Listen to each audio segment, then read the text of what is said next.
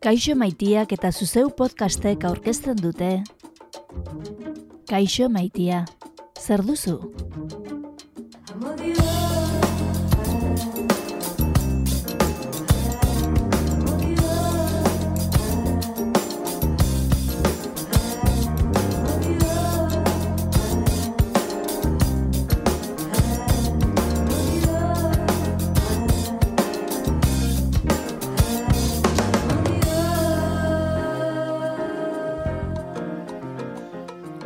Ongi etorri entzule, sexu inkesta ardatz duen podcastera.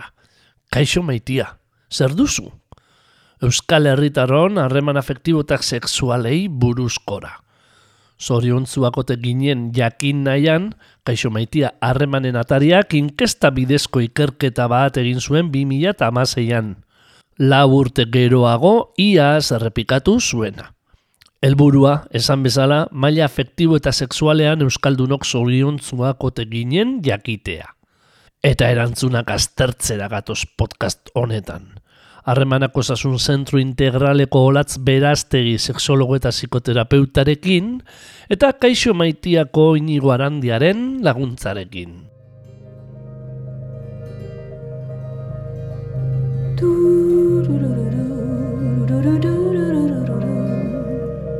Gauez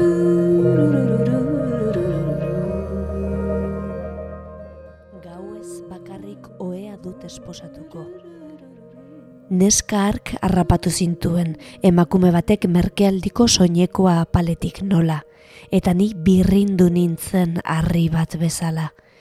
Tori zure liburuak, tori amukoak ara.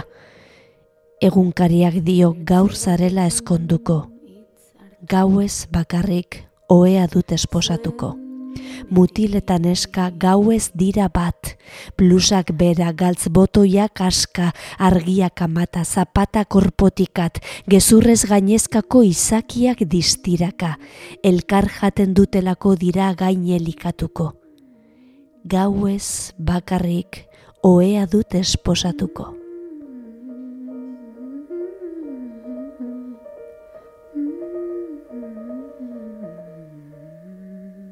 Hoi dugun legez, Zuzar Gitaletxearen munduko poesia kaierak bildumatik olerki bat ekarri zabiatu dugu kaixo maitia, zer duzu?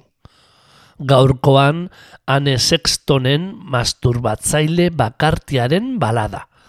Arkaizkanok euskarara ekarria eta oso osorik entzunez duguna. Bukaera baino ez. Eta orain bai, pres gaude sexu inkestaren emaitza kaletzeko gogoratu lau atales osatzen den ikerketako hirugarrena, bizitza sexualari dagokiona dugula gaur mintzagai. Eta atala iztera gatoz gainera, azken hiru saioak eskainita. Hogeita mazazpi garrenetik berrogeita bigarrenera. Bost galderari erreparatuko diogu. Honela dio hogeita mazazpi garrenak. Inoiz izan alduzu harreman sexualik taldean. Eta hauesek dira erantzunak. Ez eta ez nuke nahi. Erdiek baino gehiagok, euneko berrogeita ma bost inguruk erantzun du. Ez, baina gustatuko litzaidake, euneko gehieta ma bost inguruk. Bai, eta errepikatuko nuke, euneko zeiak. Eta bai, eta ez nuke errepikatuko euneko biak. Euneko bostak ez du erantzuten jakin. Laburtuz, euneko berrogi inguruk izan nahiko lituzkete harreman sexualak taldean. Askoz gutxiago diren arren naia gauzatu dutenak. Euneko sortzi inguru. Bueno, nik, eh, a ber, esan gondu genuke, portzente baja, pues ez dait hain bajua, badago, por, bada, ez?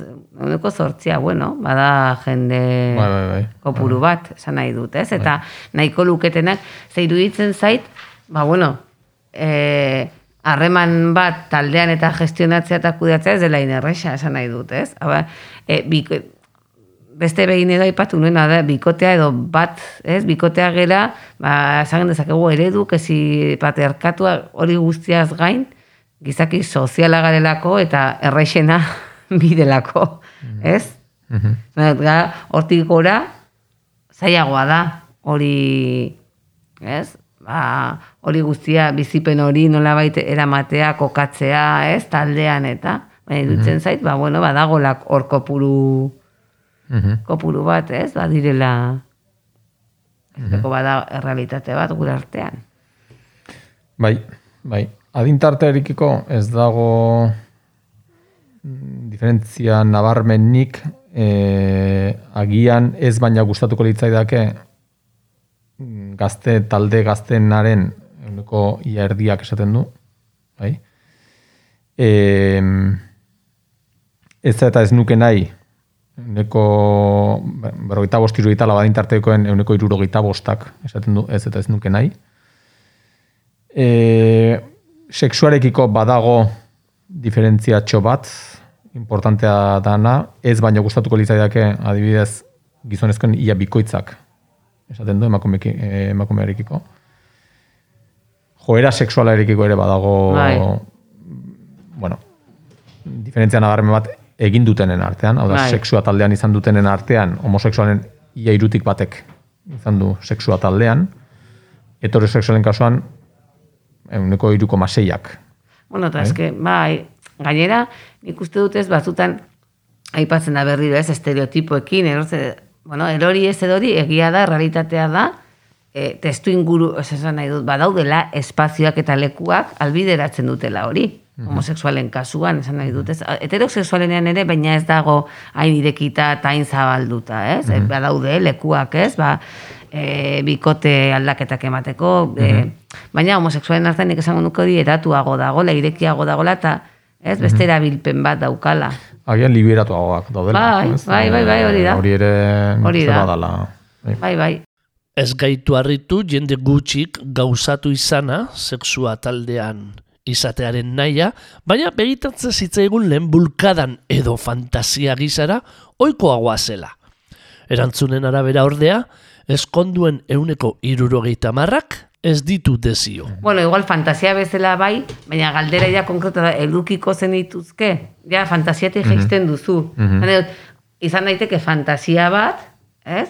Baina ja galdera konkreta da, edukiko zen dituzke ja ez da fantasia bat, ja, ari zara galdetzen, eukiko zen dituzke edo, ez? Mm Ez berdina da, zure fantasia bat da? Bueno, ba, fantasia bat, bai, fantasia munduan kokatzen da. Edukiko zen dituzke? ez konkretatzen da. Sexu inkestarekin aurrera eginez, zein maiztasunekin masturbatzen zara? Dugu urrengo galdera. G hogeita mazortzi.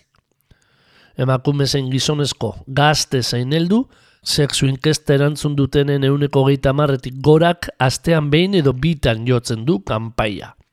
Euneko hogeita bost inguruk, astean irutan edo gehiagotan. Euneko hogeiak astean behin baino gutxiagotan. Kasik euneko amarrak hilean behin baino gutxiagotan. Euneko sortzi inguruk egunero, eta euneko bosta ez da masturbatzen. Astean, bi koma hogeita zeikoa da bataz bestekoa. Eta hau da, leno aipatzen nuena, sexu harreman maiztasuna, erreala, ma- harreman maiztasun desiatua, bai? Komentatzen Bai. duen 0 laro gehieta mazazpi, zala Bai. bataz bestekoa, harreman sexual kopurua astean, Nahi, nahi, bai. errealidadea zana, desiatzen zana sexu harremanak astean, ia irura iristen zan, biko malaro gehieta mazazpi, eta hau, aipatzen genuen ere, masturbazioa tartea bi- bia komplementatzen zituen, ez? Gutxi gora bera, hau da, 0 Bai. laro gehieta mazazpi, gai biko magoita sei masturbazioa bataz besteko, ematen du, Bai, ba, ba, zure desio, da, zure sexu e, kopuru, astean behar danaren sexu kopuru totala, esan dezagun, ez? E, gutxi gora bera, esan dezagun, hau da, masturba, hau da, falta zaizuna edo degasatzen dezun falta zaizun hori komplementatzen duzu masturbazioarekin, badirudi, neiko oso axaleko e, azterketa bat egin da, eh? E, Bai, bai. baina, bueno, 2,26 aldiz bat beste masturbatzen gara, 0,87 aldiz sexu harremanak izaten ditugu, eta iru, ia, irun bueltan da neko genukena bataz beste izan. Bai? Beraz, gizonezkoen euneko larogeita mazortzia masturbatzen da, eta emakumezkoen euneko larogeita maika. Kasu bietan gehiengo zabal bat. Eta adinean gora egin ala, antza denez, egunero masturbatzen direnen kopuruak beherantza egiten du. Hogeita marrutazpikoen artean, euneko amarretik gora dira egunero kanpaia jotzen dutenak. Eta berrogeita bost irurogeita laburte bitartekoen artean ostera, euneko iru inguru. Bueno, gainera masturbazioak ez, ez dakit badauka eh, deskarga momentaneo batekin esan nahi dut, eta deskarga hori edo karga, eh? karga hori badago adin batekin lotuta testosteronarekin edo bueno, eta emakumen ad- a- momentuan ere tentsio batekin, ez? Eta hori adinaz gora tentsio hori, ba, jaisten du aldatzen di, joa. Bikote gabekoen artean, euneko berrogeita inguru da, astean irutan edo gehiagotan masturbatzen dena. Erdiak. Eta eskonduen artean bostetik bat, euneko gehi inguru. Hemen ere badago aldea. Eta emakume eta gizonen artean, Ez dago ezberdintasun handiegirik. E, zerbait gehiago gizonezkoak, emakumezkoak baina, baina, bueno, niko... Ba, horrek Bai, harritu nau, bai, positiboki izan nahi dut, bai, ez? bai, Eh, bai, bai. Ba, astean behin edo bitan, e, emakumezkoen eroko goita marrak eta gizonezkoen eroko goita malauak. Hortikan gora, e, bai, astean irutan edo gehiagotan, emakumezkoen eroko amabostak eta gizonezkoen eroko goita malauak. Egiten da, hau da, badago, maiztasun gehiago, baina emakumeen artean ere osoikoa da masturbazioa. Osa, hori interesgarria Bai, dela, ez? bai. Eta datu bezala, ba, igual ere, Bai. bisibilizatzeko emukuen masturba, Bai. emakumeen masturbazioa, ez? Bueno, emakume masturbazioa bisibilizatu asko zea famoso honek, ez? E, tresna satisfierraren kontu honek asko bisibilizatu du Bai. hori ere, eta egon da bolo-bolo, bueno, hori ere, ez dakit, nik esango nuke positiboa badala. E, Bai. Modu natural Bai. batean, e, emakumezkoaren masturbazioaren inguruan, e, eta modu neko publiko batean edo iriki batean e, horri buruz ez? akaso horrere ikusten da gizartearen bilakaera. Gai honen bueltan lehen txantxak gizonezkoen inguruan izaten ei ziren eta. Bai, eta Bai, batez ere, bai, egia da igual satisfyer, baina emakumen tensio sexuala hitz egitea, emakumen ten, osa, esan nahi dutea, masturbazioa bisibilizatzen du guk ere, sexutuak eta guk horregatik zaten harreman sexual genitalak, eta ja begiratzen dugu, emaku gizonezkoei begira egongo balira bezala, eta genitalakin egiten duzuna bestearen satisfakziorako, ez, guk ere ditugula genitalak, guk ere daukagu tensio sexuala, ez, eta nik ez dut, bueno, ba, positi oso positibo baloratzen dut hori, hori bisibilizatzeko, ez? Hogeita emeretzigarren galderak ere lehengoaren aritik jarraitzen du. Kanpaia jotzearen ingurukoa baita. Masturbatzen zarenean, zure bikotekidea ez den pertsona batean pentsatzen duzu? Beti erantzun du euneko zazpi inguruk. Eta sarritan edo tarteka euneko berrogei batek. Hauxe da erantzunik oikoena. Inoiz ez, euneko amabost eskas batek, eta gainontzeko euneko gehiak ez du bikotekiderik. Hau da, nahiko arrunta dela masturbatzean bikotea ez beste norbait izatea buruan.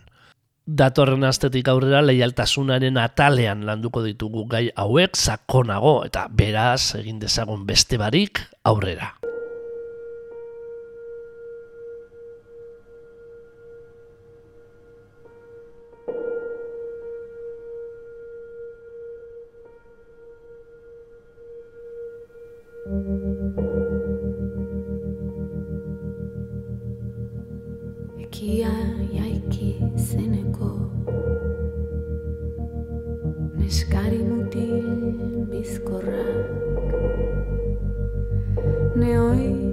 Ez haut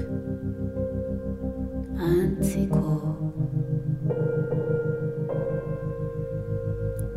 Undikotz aize gogorrak Orbelak iroaiten ditu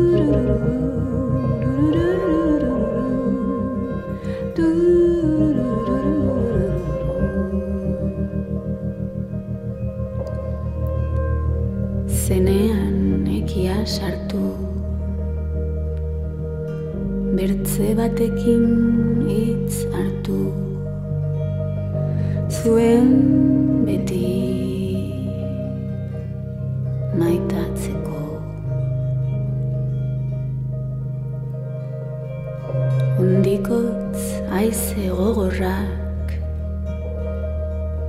Horbela kiro aiten ditu. Bai eta zin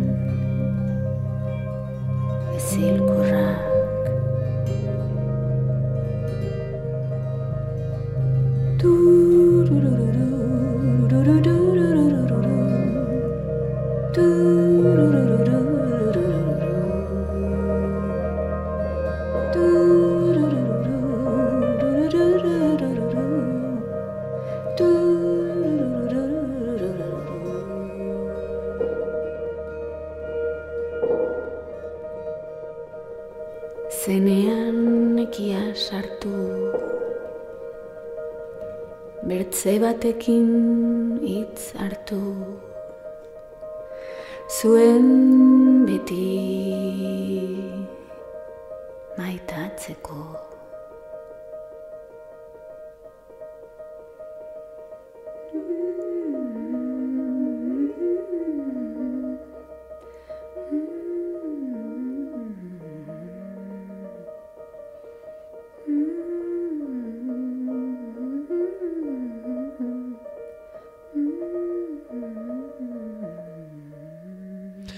bizitza sexualari buruzko atala jorratzen, eta bukaeratik gertu, interesgarria begitan du zaigu urrengo galdera, berrogei garrena. Funtzeskoa. Bikotean, sexuaz hitz egiten duzue? Gehienek bai. Tarteka, kasik euneko geita mar batek, eta sarritan beste euneko geita bost batek. Alta bada beste euneko geita bost bat, lautik bat, gutxitan oso gutxitan edo inoiz ez duena bikotekidearekin sexuari buruz hitz egiten. Pues bada portzentai altu bat, eh? Mhm. Ni dutzen zait, esan nahi dut. Iruditzen zaidalako, harreman batean, harreman sexualak, badutela garrantzia. Esan, leheno lotzen du genuenean zoriontasunarekin, eta zuk esan duzu, inigo ez, puntuazio hori bajo ez altua. Bai, iruditzen zait, gure zoriontasunean, gure gorputzak eta gure ez, eta harreman sexualak badutela eragina. Mm iruditzen zait, ba, gutxi hitz egiten. Euneko goita guztak ez hitz egitea, Mhm. portzentai altu bat iruditzen zait. Eta berez hori baino altuagoa da, ze azkenen ponderatu behar da, hemen euneko hogeiak ez du bikotekiderik. Orduan, Claro. gainantzekoek, hau da, bikotekidea dutenen euneko amabiak e, erantzuten du hori, orduan poblaziotik, ba, zera gehiago da, baina bueno, e, bai, bajua. Bajua iruditzen zait. bai, bai. Bai? Ze, garra, esan nahi dut, zure zoriontasunarekin hain garrantzitsua den zerbait, Mhm. hori da ez, gero realitatean ze espazio gutxi ematen diogun noni, bai, pornografia, fantasietan, desio, hori da desioak ondo ez uztartzea. Mhm. Ez? Gusto, e, gogoko dut, desiatzen dut, e, nire zoriontasunerako baliogarria da, baina aldiz, nire agenda, nire egunerokotasunaren agendan gutxi hitz egiten da. Niretzat importantea da ere, ez dakit azkenean benetan e, zenbateainoko dagoen e, hezkuntza aldetik, bai? Oda, e, garbi dago ireki dala askoz gehiago sexualitatea e, era publiko xeagoa batean egiten dala, e, sexu harremanak ere e, ziurrenik gehiago edo bueno, Bai. jende gehiagorekin, e, maiztasun gehiago, maiztasun gehiago ez dakit, baina bueno, e, egiten dala, guain dala generazio pare bat e, e, baino, baina ez dakit momentu batean ere sexu hezkuntza, bai, sexuari buruz zitzeitea, sexu hori obera di joan ez, eta leheno komentatzen, ez, pornografia, azkenen gure e, hezkuntzarako tresna izan bali da pornografia, edo momentu batean, biologiako klase batean, edo ez dakize klase batean, eukitza egun bat guk izan gendun bezala, zala e, e, el dia, ez? E, Bai. pixkat, bueno, dagoen galdetu sexuari buruz nahi duzun guztia, eta bat entzun, e, bai, eta zenukan ordu erdi bat, eta e, irakasleak erantzuten du, ia kompromisos eta ez dakit lau geran, Bai. eta, eta sexu hezkuntza hori, nik uste, e, ez dakit gaur egun nolakoa dan, ez dakit, e, ze, ez dut, e, bueno, izuk gehiago dakizu, baina nik uste hortikan dula gehiago, ez? Azkenean, zergaitik anitzite egun du bikotekidean, bada zure, zure bikotea zure bidelaguna dana, Hori da. bizitzeko bidelaguna Bai. dana, edo zure bikotekidea Bai, bai, dana, bai. edo horrekin hain, hain horrenbesteko garrantzia ematen diogun gai bati, sexuari, E, Hain gutxi hitz hain egiten, eh, lasaitasun Ze- Zein da horren arrazoia, ez? Bai. Horren atzean zein dago da. Izango da ziurrenik, badauzkagun, bueno, ba, muga, moraloiek eta beldurra e, paitua izatearen inguruko beldur hori, edo ze pentsatuko du, edo konfiantza falta hori, edo momentu batean sexua bera e, oso modu pribatuan, oso intimoan, oso gordeta euki dugulako eta gordera zaigulako, ez? Igual izan daiteke ere. Gorderazi digute eta gero oso kargatua dago bakoitzak daukagu motxilarekin. Mhm. Orduan beldurra handia daukagu bestearekin hitz egiteko ze da, ez? Da gai bat iru, agian gaur egunez iruditzen zaigura ireki, ez? Eta ez dakigu zer den irekiak izatea, baina handiz morala handiarekin eta karga askorekin daukagula atzetikan. Orduan horrek guztiak ez du laguntzen agian komunikazio horretan, ez? Komunikazio nik eh, nola jasotzen dut bestea, eh, hitz egiten duguna nire beharrak hau, ez? Hori, eta gero hezkuntza gutxi dago. Ez, Zuk orain ikusten duzu dago pelikula bat, La vida empieza hoy, espainola niri asko gustatzen zena eta da, irugarren eh, adineko batzuk azten dira sexualitateko klasera joaten, ez? Ba, hor Pilar Barden dago, eta Rosa Maria Sarda da irakaslea. Mundiala da pelikula, baina zuk hori ikusten duzu, nik orain dela gutxi emakume talde batekin, eh, ez, ez, proposatu nien ba, ikustea, eta hori oso gaurko eguneko badauka zerbait, ez, oraindikan ere. Ba, ba, irekiagoa gera, baina oraindikan patxadaz, ez, ez dugu gaia heltzen, ez. Bai. Gaur oraindik orain, esango genuke eskutuko zerbait ematen duela sexuak askorentzat, edo zikina ez baina gutxienez deserosoa, mintzagaitzat hartzeko orduan. Eta denok esaten dugu, sexualitatea bai, baina gaztei zuzenduta daude. Osa, ja, adin batetik aurrera ja dena ikasia izango bagenu bezala, ez? Sexualitate tailerrak, osea, eskasak dira, oso oso eskasak, eta eskasoiek adin bate konkretu batetara bideratu daude. Adi, badirudi hortik aurrera ja, harremanekin ja ikasi duzula eta ez, gehiago hitz egingo ganuke, nik asko esate dut gure artean hitz egingo bagenu, ez? Lehen erligioak eragin handia izuen kontu hauetan. Orain ez ez esango genuke, gure inguruan bederen. Baina sexuaz naturaltasunez berba egiteko orduan, ez dugu aurrerapen handirik antzeman.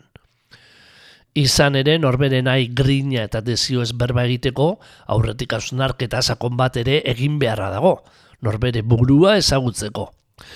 Eta bikote harremanean aurrera egiteko interesgarria izan daitekeen arren, zer eskaintzeko prez gauden, bestaren gandik zer espero dugun, barrura begiratze horrek lan ikaragarria eskatzen du sarritan. Esfortzu handiegia askorentzako. Gogorra egiten da. Nekeza. Hori da, hori da hitz egitea gauzetaz kosta egiten zaiguna. Oso horrez egiten zaiguna, hirugarren pertsonan edo gai bat abstraktuan hitz egitea, baina ez, ez, claro, hau da, zuta zari zara hitz egiten, eta hori kosta egiten da. Bai, eta bai, baina da egia dela, jo, bikotetan nola, ez, ez dakit, ez, nun ezarri behar dugun, zein garrantzitsua den, bazuk esan duzuna, bide lagun, zure bide lagun da, ostras, ba, hor, pentsatu behar duzu ez, gai hauetaz hitz egitea edo gai hauek erdigunean jartzea zein interesgarria eta zein importantea den.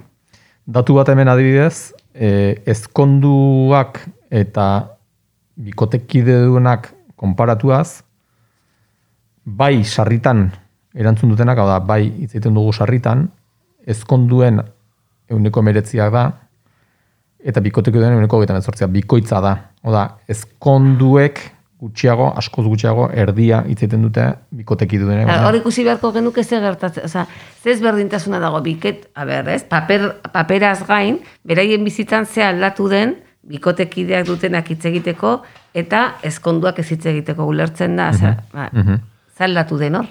Berrogei garren galderaren erantzunetako taulei begiratuta, ematen du generoa ez dela aldagai esanguratzua.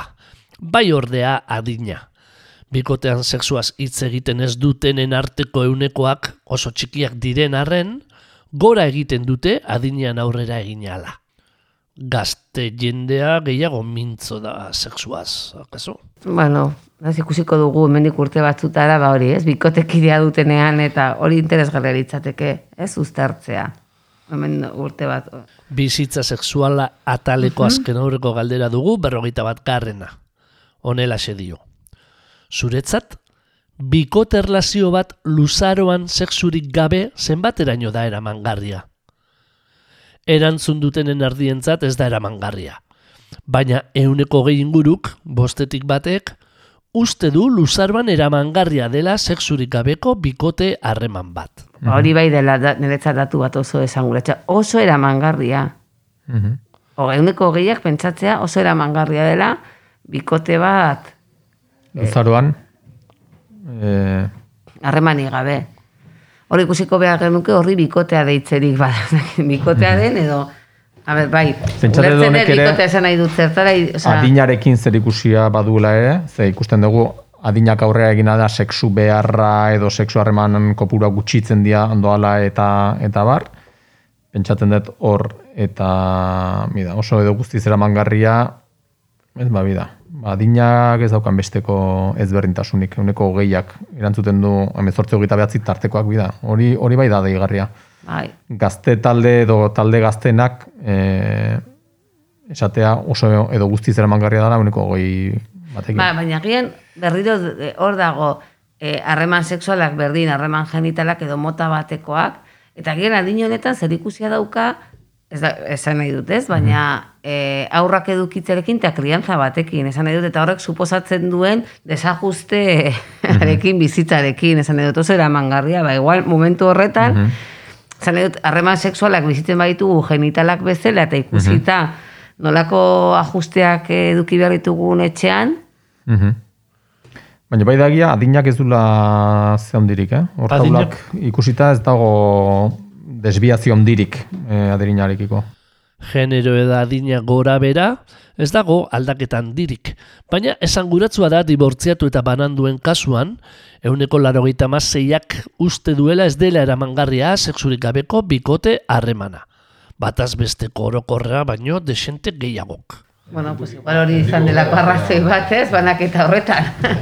Harremanean zaudenean, agian hori, ba, segun zadina, ze garrantzia Bai. ematen diozu momentuan harremanari, edo ze momentutan zauden, ez duzu, Bai. bueno, pues, pues, ez? Bai, bai.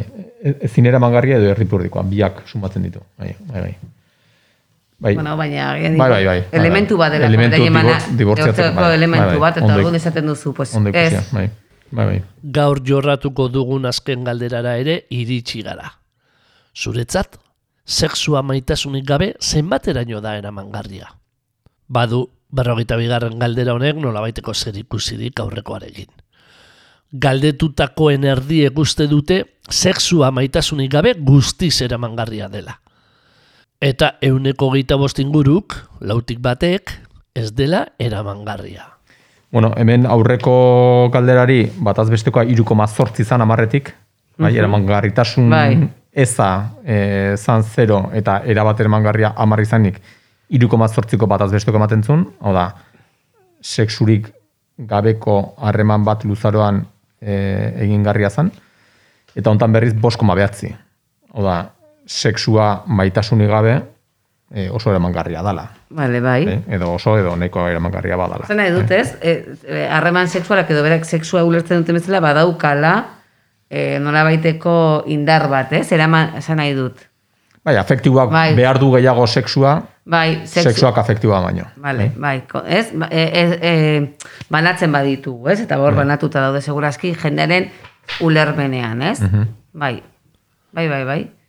Ez dakit ondo ulertu dugun orduan. Sexua maitasunik gabe ez du ulertzen, ados, lautik batek dio ez dela eramangarria. Bai, hori da. Zei ditzen zaizu, altua, e, esangulatsua, Bai, esanguratzua. erromantiko desente dagola. Ez dakit. Ez dakit erromantiko. Ez. A ber, ez nik uste, nik uste hala ere ez da eramangarria, eramangarria. Nik uste da. sexu harreman badagoenan beti dagola, zer, kimika bat dago. Nik uste badagola sek, Nik- eh, kimika bat. Ez dago maitasun luzaro, Kimika hori gabe, kimika hori gabe, Ezinezkoa da. eh, maita, deitu maitasuna, deitu kariñoa, deitu rollona, Bai. kimika, osea, azkenen intima, intimidade Bai, hortarako, nik diot. nik uste beharrezkoa dela minimo bat. Feeling bat. Gero momentu batean, ba, ez bida, ba, ba, bueno, ba, prostituziora juten Bai. dira, zera, pues, ziurrenik gutxiago, e, edo batez, eta, bai, Bai, nor, urbiltzeko behar duzu, ez? bai. Bai, nik uste hori bai, horgatik zatut beti, ez maitasunik gabe, bai, badago momentuko, Bai, bai, ba, bai. deitu Bai. diezaiogun, ba hori, filina, eh, Erakarpen bat, erakarpen bat, ez? Osa, korputzak, ez, ez, ez gerala hola izotzak, ez? Galdera honen erantzunetan ere, badazara ipatu taulei erreparatuta. Zoriontasun sexual oso basua dutenentzat, eramaten zailagoa da maitasunik gabeko sexua. Zoriontasun sexual altua dutenentzat baino. Bueno, da, bai, ez, autoestimarekin edo zu, Bai, ez, bai. agian, Mhm. eh, bajo baldin bazaude gehiago behar duzu kontaktu, esan nahi dut, ez, futxori edo sentitzea beste pertsona hori zurekin gustora dagola. Aldizuk sentitzen baduzu ondo zaudela, ez duzu behar hainbesteko, senti, a ber, behar duzu feeling hori, baina igual feeling hori, Mhm. ba, portzentai batetan, eta zu bajo baldin bazaude, Mhm. ez, iruditzen zait, a, e, zoriontasun maila bajoa baldin badaukazu gehiago behar duzula. Mhm. Beste horrekin feelinga sentitzea, sentitzea beste hori zurekin egon nahi duela, ez? Hori badauka logika bat. Eta sexua maitasunik gabe bikotekide dunen euneko gehiarentzat bada eramaten zaila, dibortziatu eta bananduen kasuan kasik bikoiztu egiten da eunekoa. Eta hemen badago, e, nik uste tor estadistiko aldetik, e, lagina, adibidez hemen dibortziatu eta banan duen lagina berreundan lau pertsonakoa da, eta bestean bikotekide dunen artean mila eta zazpirunekoa. Ja.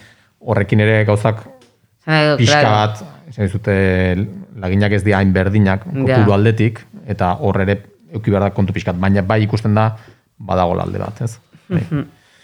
Azken galdera aletuta, hementxe itxiko dugu gaurko jarduna.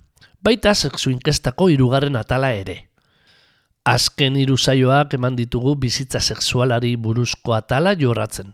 Eta urrengo hirurak azken atalari eskainiko dizkiogu. Leialtasunari buruzkoari.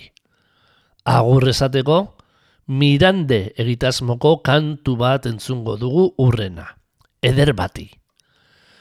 Jon Mirande zuberutar idazle esenaren olerkiak musikatzen dituen egitasmoa da Mirande. Elena Setien kantari donostiarrak Grande Daiz taldearekin eta Xavier Erkizia soinu arkitektuarekin batera iaz gauzatua. Gaur gero neska gazte, eskua dute mazte, eutziko zait zintzo. Nor kantatu ote zizkigun aurretik ere hitz hauek.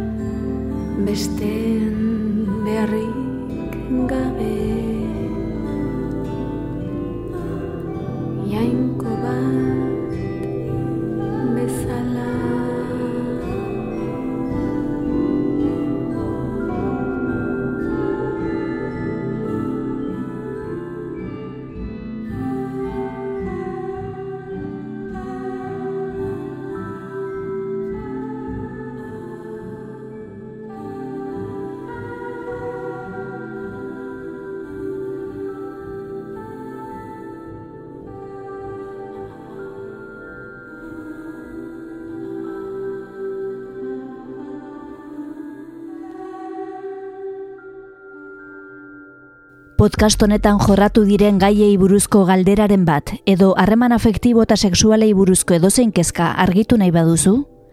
Harremanak osasun zentro integralera jo dezakezu. 6 bederatzi, 606, zazpi, zazpi, zazpi, telefonora deituz, edo harremanak abildua yahoo.es elbidera idatziz.